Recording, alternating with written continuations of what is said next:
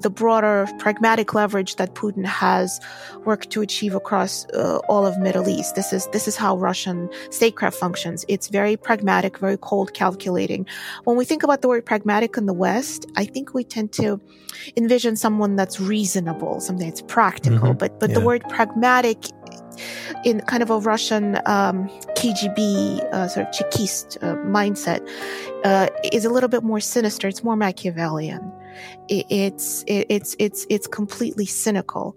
The world is only about hard power, uh, uh, relationships, and asymmetries. Welcome to another episode of the Middle East podcast. We will be very current today and discuss Russia and maybe not so much Russia's war in the Ukraine, but Russia's role uh, in the Middle East and how that affects the present crisis and the present war. To help us do that, we have Anna Borshchevskaya. I hope I pronounced that name correctly. You did. Uh, she's a senior fellow at the Washington Institute's Diane and Guilford Glazer Foundation program on great power competition and the Middle East and focusing on Russia's policy in this, this region. And in addition, she's also a contributor to the Oxford Analytica and uh, together with myself, actually, a fellow at the European Foundation for Democracy. She is also the author of a book that came out in 2021 Putin's War in Syria, Russian Foreign Policy and the Price of America's Absence. So, most welcome to the Middle East podcast, Anna. Thank you for having me. So let's jump right into this. Now, considering the ongoing and growing political isolation of Putin because of the war in the Ukraine, two questions really. First of all, of course, how does that fit in, or if it fits in at all, with uh, Russia's greater scheme in the Middle East or greater ideas in the Middle East? And when the war in the Ukraine finally is over, which we hope will be soon, how do you think that will affect Russia's policy towards the Middle East uh, in any way, substantially or not? Sure. Well, let me start with your first question, uh, the first part of your question, Magnus. Right. Uh, with regard to the Middle East, uh, there is absolutely a very clear connection, more than one, really. Taking kind of a broad view in terms of how we got here for the last uh, 20 years, and especially really in the last uh, maybe 10, 15 years or so, the West had been slow and not, not, not very effective in deterring uh, Vladimir Putin. And with each uh, act of aggression that we saw, starting with Georgia in 2008 to Crimea annexation from Ukraine in 2014, leading us to Syria and how we got to Syria, especially, Putin had gotten a number of strategic wins, especially in Syria, uh, I would say, and, and because this pertains directly to your question. Right. Uh, recall that in 2013, President Obama did not enforce the uh, the red line in Syria on use of chemical weapons. Här talar vi om det tillfälle när Obama varnade den syriska regimen för att använda kemiska vapen och när Assad ändå använde kemvapen mot sin egen befolkning så hände ingenting. And it was the next year that Putin annexed Crimea. Recall, he also used the, the non-enforcement of the red line to project uh, Russia's uh, Russia's vision for Syria as well by brokering a removal of chemical weapons deal that ultimately did not remove all chemical weapons, but propelled Russia into a, a, a, far more a far more prominent role uh, right. uh, diplomatically, right? And then he intervened in Syria. At the time, uh, uh so many analysts, including and uh, President Obama himself, most notably, perhaps, said that Russia will find itself in a quagmire, quote unquote. Quagmire eh, betyder ju gungfly eller träsk och i det här sammanhanget så handlar det om att man hamnar i någonting som man har väldigt svårt att ta sig ur och fastnar i. Uh, and the subject of my latest book, of course, uh, Russia's war in Syria, ultimately is about precisely how Russia avoided a quagmire in Syria. Mm. So, what Russia did instead, the, the result was not only saving one of the worst dictators of our time, Bashar al Assad, but also establishing a strategic military position on the Eastern Mediterranean, a permanent military position for at least the next right. half a century. And historically, as you probably know, the Russian state always sought a, uh, a, a, military position in this region. What uh, they, what the Russian state never succeeded before was having this triad: uh, not only uh, access to the Sea of Azov, uh, the Black Sea, but also the Eastern Mediterranean. Uh, prior to the invasion of Ukraine, this is exactly where Russia found itself. That um, that they had established this triangular perimeter, if you will And uh, since Catherine the Great, at least, uh, Russian leaders always tried this. Mm. so when we saw the buildup prior to the invasion, it was most certainly around Ukraine but you also saw increased activity in the Eastern Mediterranean and the Black Sea. And Russia's uh, position uh, in terms of its ability to pressure Ukraine was bolstered by its position on the Eastern Mediterranean. This is why Shoigu went to Khmeimim and Tartus right before the intervention. This is they held a number of naval drills right before the intervention. Uh, so, so this region, this strategic region, is of utmost importance uh, when it comes to the Middle East. Now, uh, the, the, the, there's so much else that goes into the, your question because Russia has emerged as a chief global exporter of wheat, uh, and mm-hmm. the Middle East especially is most affected uh, by this. And Ukraine is also right at the top. It's not the top. The, it's not the first or the second, but it's right at the top five tier of wheat uh, exporters. And so uh, the Middle East will experience, if this continues, and it's this is actually already happening, the Middle East will experience uh, serious food security problems, which could lead to all sorts of unrest and instability. And depending on how long this conflict is going to play out, of course course, will depend on how much impact this is going to have. Um, also, wheat uh, exports of wheat and barley, uh, corn, but uh, cooking oil, but but wheat really is the number one staple, and so Egypt uh, is especially going to be affected by this. Lebanon, um, Israel, and also Syria. Now, moving on to the, the second part of your question, uh, a lot depends on how and what terms this conflict is going to end. And uh, we're now two weeks into it. Uh, it most certainly did not go how Putin had planned it. That's that's clear. That's uh, clear. But but uh, also it's also clear that Putin remains committed to it. So there there's still a number of different ways that this could end. So, if we stay in the Middle East, can we, for example, expect a closer relationship between Russia and Iran in the future? And what would that mean for the immediate neighbors in Israel? I mean, Iran has for a long time wanted more trade, more weapons, and more political support from Russia. Yes, absolutely. And the the one uh, you know the one point that I've made over the years is that uh, uh, if you look at Putin's uh, overall approach to the Middle East, he took a far more flexible approach than the Soviet Union. He, he had a policy of building contacts with all major actors in the region, conflicting actors. What he did is he positioned himself as a mediator between contradictory parties. But no matter how much he had done that, he was always closer to anti American forces, and that is especially Iran, the Assad regime, Hezbollah, and, and um, what have you. So, the, the, Russia and the fact of the matter is, Russia and Iran have always come as one strategic set to the Middle East, but it was a little bit hard analytically for many to read because of a lot of other Russian activities.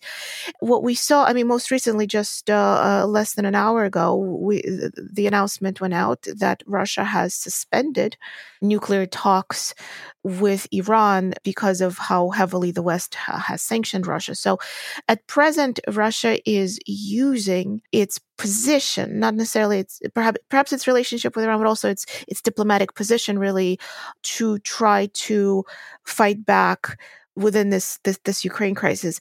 Um, but as far as its overall interest, it's clear that it only will remain committed again to anti-American forces, and and that of course means Iran. In the sense, I think. Over the previous years, the Israeli leadership was a little bit naive in hoping that Russia will push back uh, in a meaningful way on Iranian influence uh, in Syria. Uh, certainly, Russia wanted trade with Iran.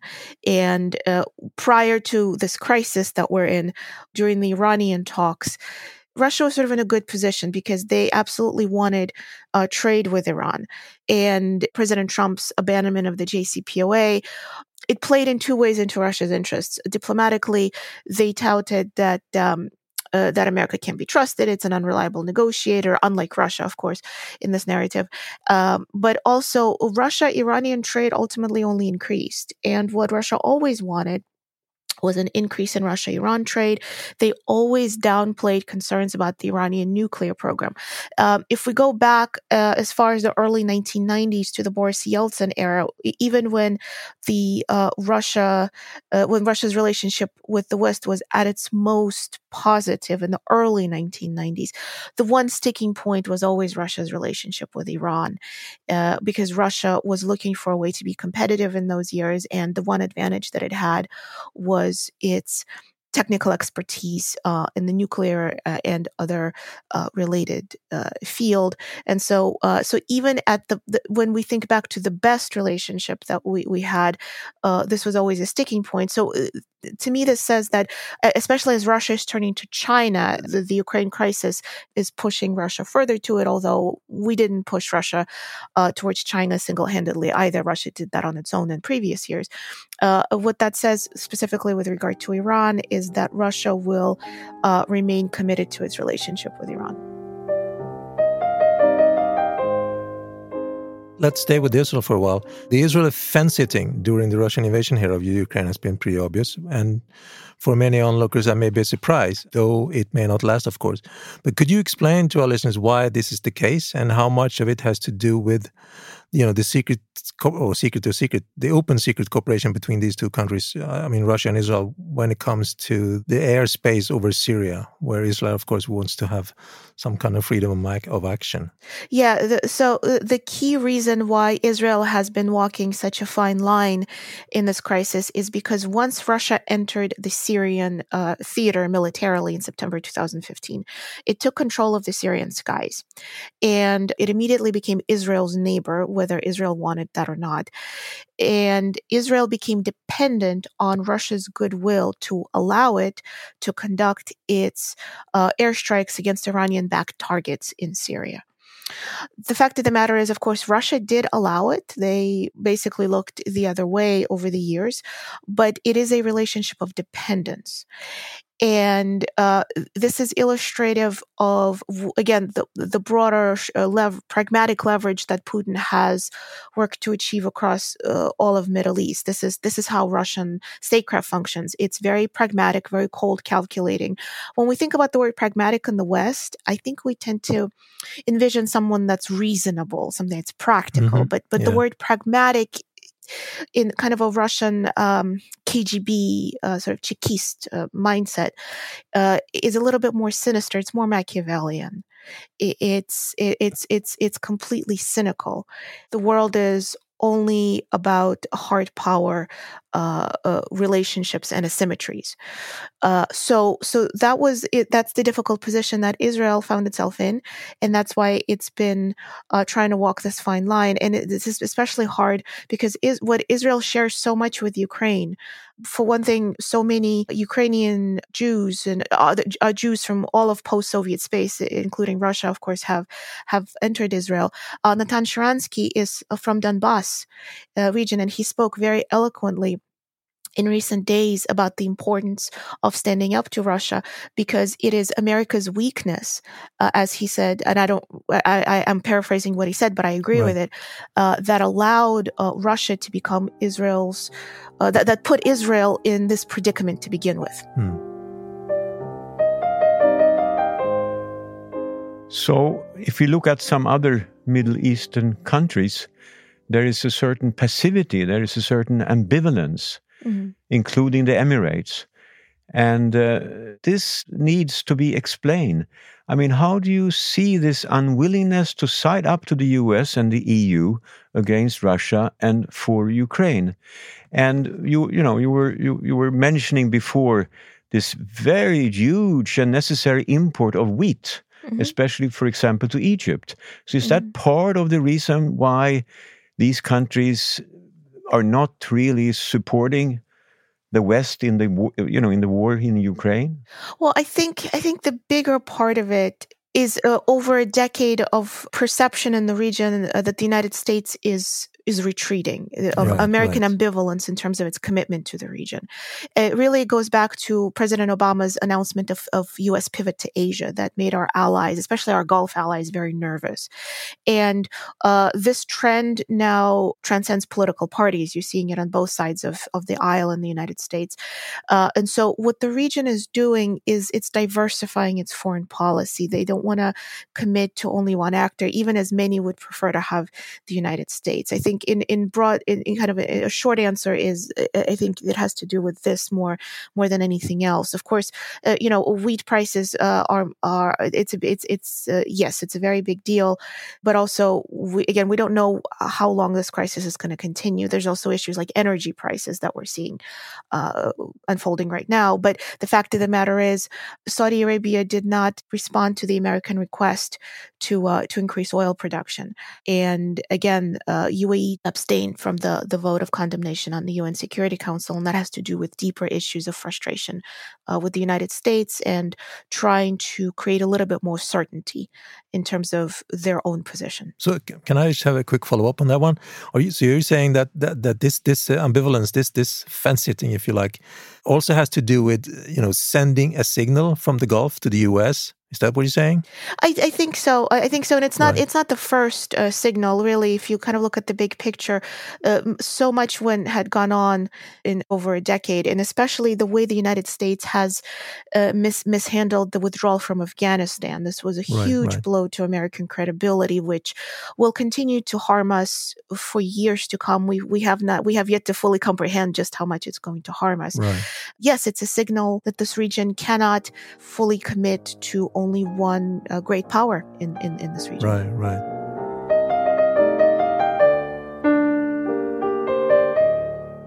the Israeli president was uh, recently in, in Turkey and trying to uh, shore up the connections here.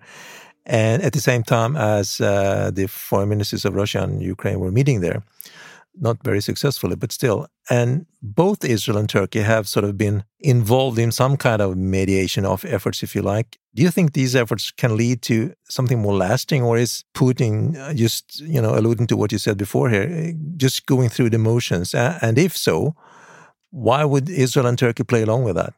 Yeah, I, I don't expect uh, anything genuine to come out of these mediation efforts, uh, chiefly because Russia is not interested in genuine mediation efforts. Right. And there are several reasons for this. Uh, one, the way Russia looks at diplomacy, the Russian state looks at diplomacy, is not how we look at it. It, it is simply another tool of coercion, just like military pressure, just like economic pressure, just like informational pressure.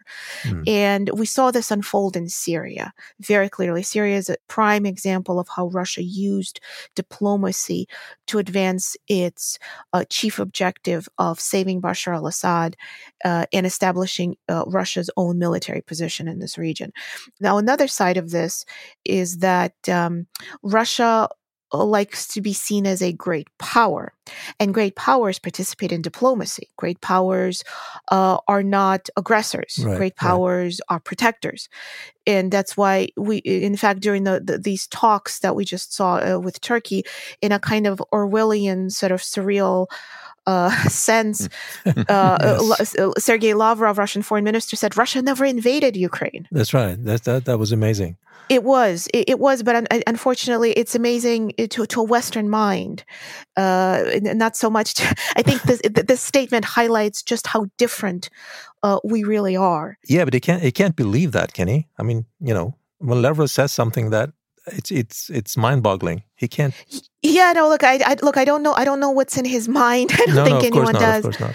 But but it does highlight uh, a very different relationship with the concept of truth. Right, right. And it also highlights how little we understand, how naive we are yeah. when it comes to Russia. Yes, absolutely, absolutely. This crisis, uh, too belatedly and at, at, at too high a cost, is finally, I think, forcing Western leaders to reevaluate some of their core assumptions about the Kremlin. And it's it's it's just a shame that this is the type of tragedy it took to get there.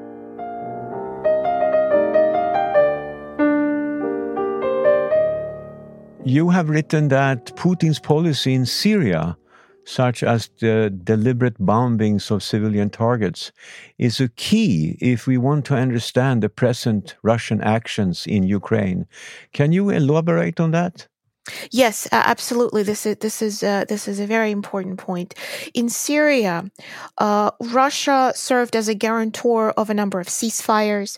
Uh, Russia participated in de-escal- uh, de-escalation agreements. Sometimes also served as a guarantor of de-escal- so-called de-escalation agreements whenever you saw humanitarian corridors established, uh, Russia and the Assad regime together had used those humanitarian corridors, any type of pause, tactically to regroup, to reassess how they can be more effective militarily.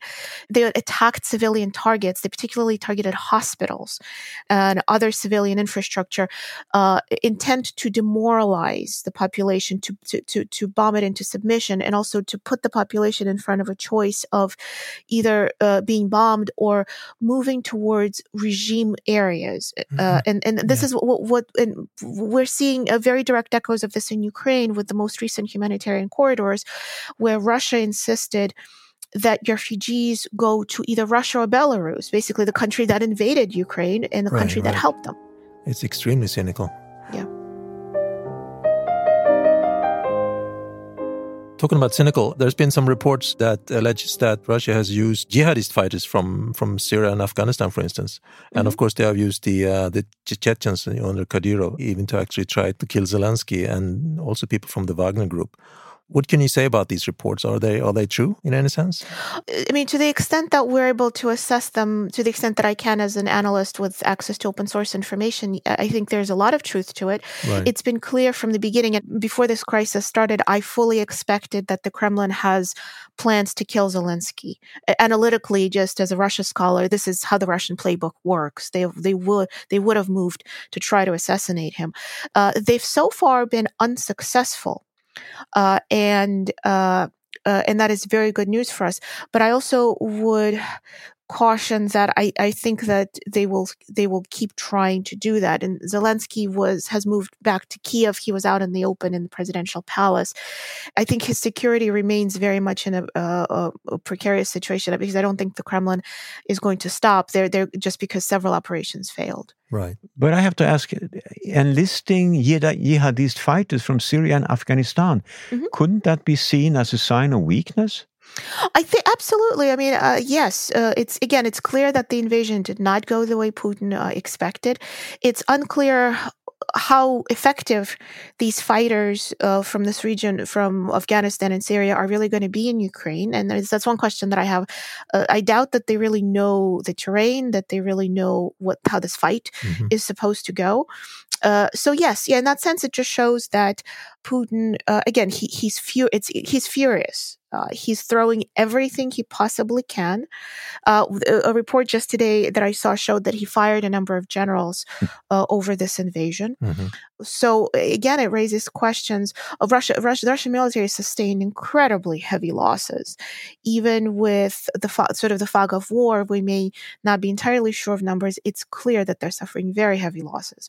Uh, um, if the reports are accurate that Russia has lost about 11,000 people, that is almost as much as the Soviet Union officially lost during the entire invasion of Afghanistan. The official right, numbers right. were mm. 15,000. These are amazing figures. Yes. So when I listen to you, I really get the impression that there is no doubt in your mind that Putin is still a rational person. Is that correct? I, you know, yeah. There's been, there's been a lot of discussion about his state of mind in recent weeks. Uh, I, I, am, of course, uh, not not a professional psychiatrist or psychologist, but I I don't think he is irrational. No, no. I think it's, it's just a different concept of rationality that we in the West have, and I think the only we struggle so much uh, to understand what's happening because what is happening goes completely contrary to how to our view of the world and so the only way we can explain it is to say he's crazy mm. but I, I think that that is i think that's a little bit dangerous uh, because again it, it only highlights our cognitive uh, sort of dissonance in in trying in struggling to, to explain what's happening. Um, he's not erratic. If you look at uh, how after the initial failure uh, of the invasion uh, unfolded uh, they regrouped and reassessed and the Russian military began to advance on four fronts in a fairly coordinated way. So this wasn't erratic or sort of, uh, if you crazy, if you will. They they they did have plans. It seemed f- for something like that, and they did make substantial gains. Precisely in Ukraine's south, which is uh, uh, Russia, Ukraine's connection to the Black Sea, that is a strategic location. So they they are still thinking in terms of which points are most important, and they're targeting those. Okay, so let's move back to the Middle East. Russian incursions in North Africa are also noteworthy, mm-hmm. sometimes openly, like in Libya, and sometimes using proxies, like the Wagner Group in Mali. So, what do you think are the intentions behind the Russian interest in these faraway and seemingly unconnected countries? Uh, Russia has uh, very clear intentions, and uh, what's interesting is, is, as you say, these are seemingly unconnected countries, but from the Russian state perspective, these are very much connected. We in the West tend to separate European and Middle East theaters, but the Russian state does not separate them in that way. It's a little bit artificial. Uh, historically, the Russian state, as it sought to become a great power, globally and particularly in Europe, it looked to access to strategic waterways as a traditional land power. And in that sense, it also it, it also perceived itself as vulnerable in what it's called its southern underbelly, that is the Black Sea again, the Mediterranean, uh, all these the, these crucial bodies of water. They see it as a, as a triad, if you will. Uh, and so they're absolutely connected. And so, in order for Russia to be a great power uh, in Europe and globally, it must have a connection in the Middle East, in the North African region. It must have a connection in the Mediterranean. Um, if you think again strategically, Okay, so starting with Syria, Russia has a military position there, a, str- a, str- a very strong military position. Uh, moving sort of along the Mediterranean coast, Libya is very important because it offers something that Syria does not, and that is deep water port access. Depending on how you might define a deep water port, uh, uh, Libyan port uh, waters simply, even if you disagree with definitions of what is a deep water port, Libya offers more. And together, if you have a position in Tartus, uh, together together with Libya, that already gives you a lot more access. And so you're moving on to other countries in this region. Um, you, you have an arc of influence. That's sort of the best way to look at it. Oil, of course, uh, in Libya, in, in Algeria, right? Mm. Uh, Tunisia is, a, is an important country because when Russian tourists, uh, the top two destinations for Russian tourists for years has been to the Middle East. It was Egypt and Turkey. And when, with a brief pause several years ago, when Russian tourists couldn't go to these countries, where did they go? They went to Tunisia. Morocco, uh, Morocco, even as it is, of course, an American ally, uh, and so there, there are limits to the relationship, but Russia is always trying. And uh, in fact, uh, Russia over the years had taken a position on Western Sahara that rang truer to to Moroccan leadership, uh, and so ironically, they they were able to um, to capitalize on that. And think geographically further south, Africa, Sudan, and access to the Red Sea the Gulf region, uh, and the, the, the North African region. Long term, Russia always wanted to have access to uh, to all the all these other strategic waterways. And again, that goes back to Peter the Great that imagined Russia uh, in the Red Sea.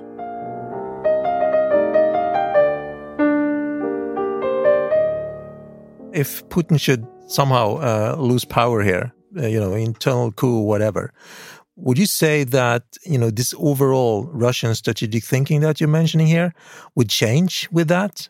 You know, is is Putin as an individual that important, or would this kind of strategic Russian ideas still be there, no no matter who's the boss in Moscow? Uh, that is, I think, uh, the key question, and my answer is. Uh, strategically, no. Strategically, because these ideas are so ingrained in Russia's historic statecraft, its historic interest, that anybody who's in power in the Kremlin will be interested in pursuing a position there. The question is, how will they pursue the position? Right. And that is a different question because there are certainly a number of elements uh, that, that are unique to Putin that are tactical and transactional. But the Middle East, this entire region, there's long lasting resi- residence to any Russian policymaker. Um, Russia only retreated from the Middle East briefly and partially under Boris Yeltsin, a, very unique period in Russian history. And mm-hmm. even if there's another retreat, if Putin falls in this scenario and Russia undergoes a lot of internal turmoil as it did in the 1990s, uh, we should expect Russia to seek to regain its position in the region, perhaps perhaps in a different way, but nonetheless. All right. Food for thought. Thank you very much, Anna, for taking time to talk to us. It's been uh, it's been very good. My pleasure. Highly illuminating. Thank you. Nästa avsnitt av Mellanösternpodden kommer torsdagen den 14 april och då ska det handla om Saudiarabien. Välkomna då!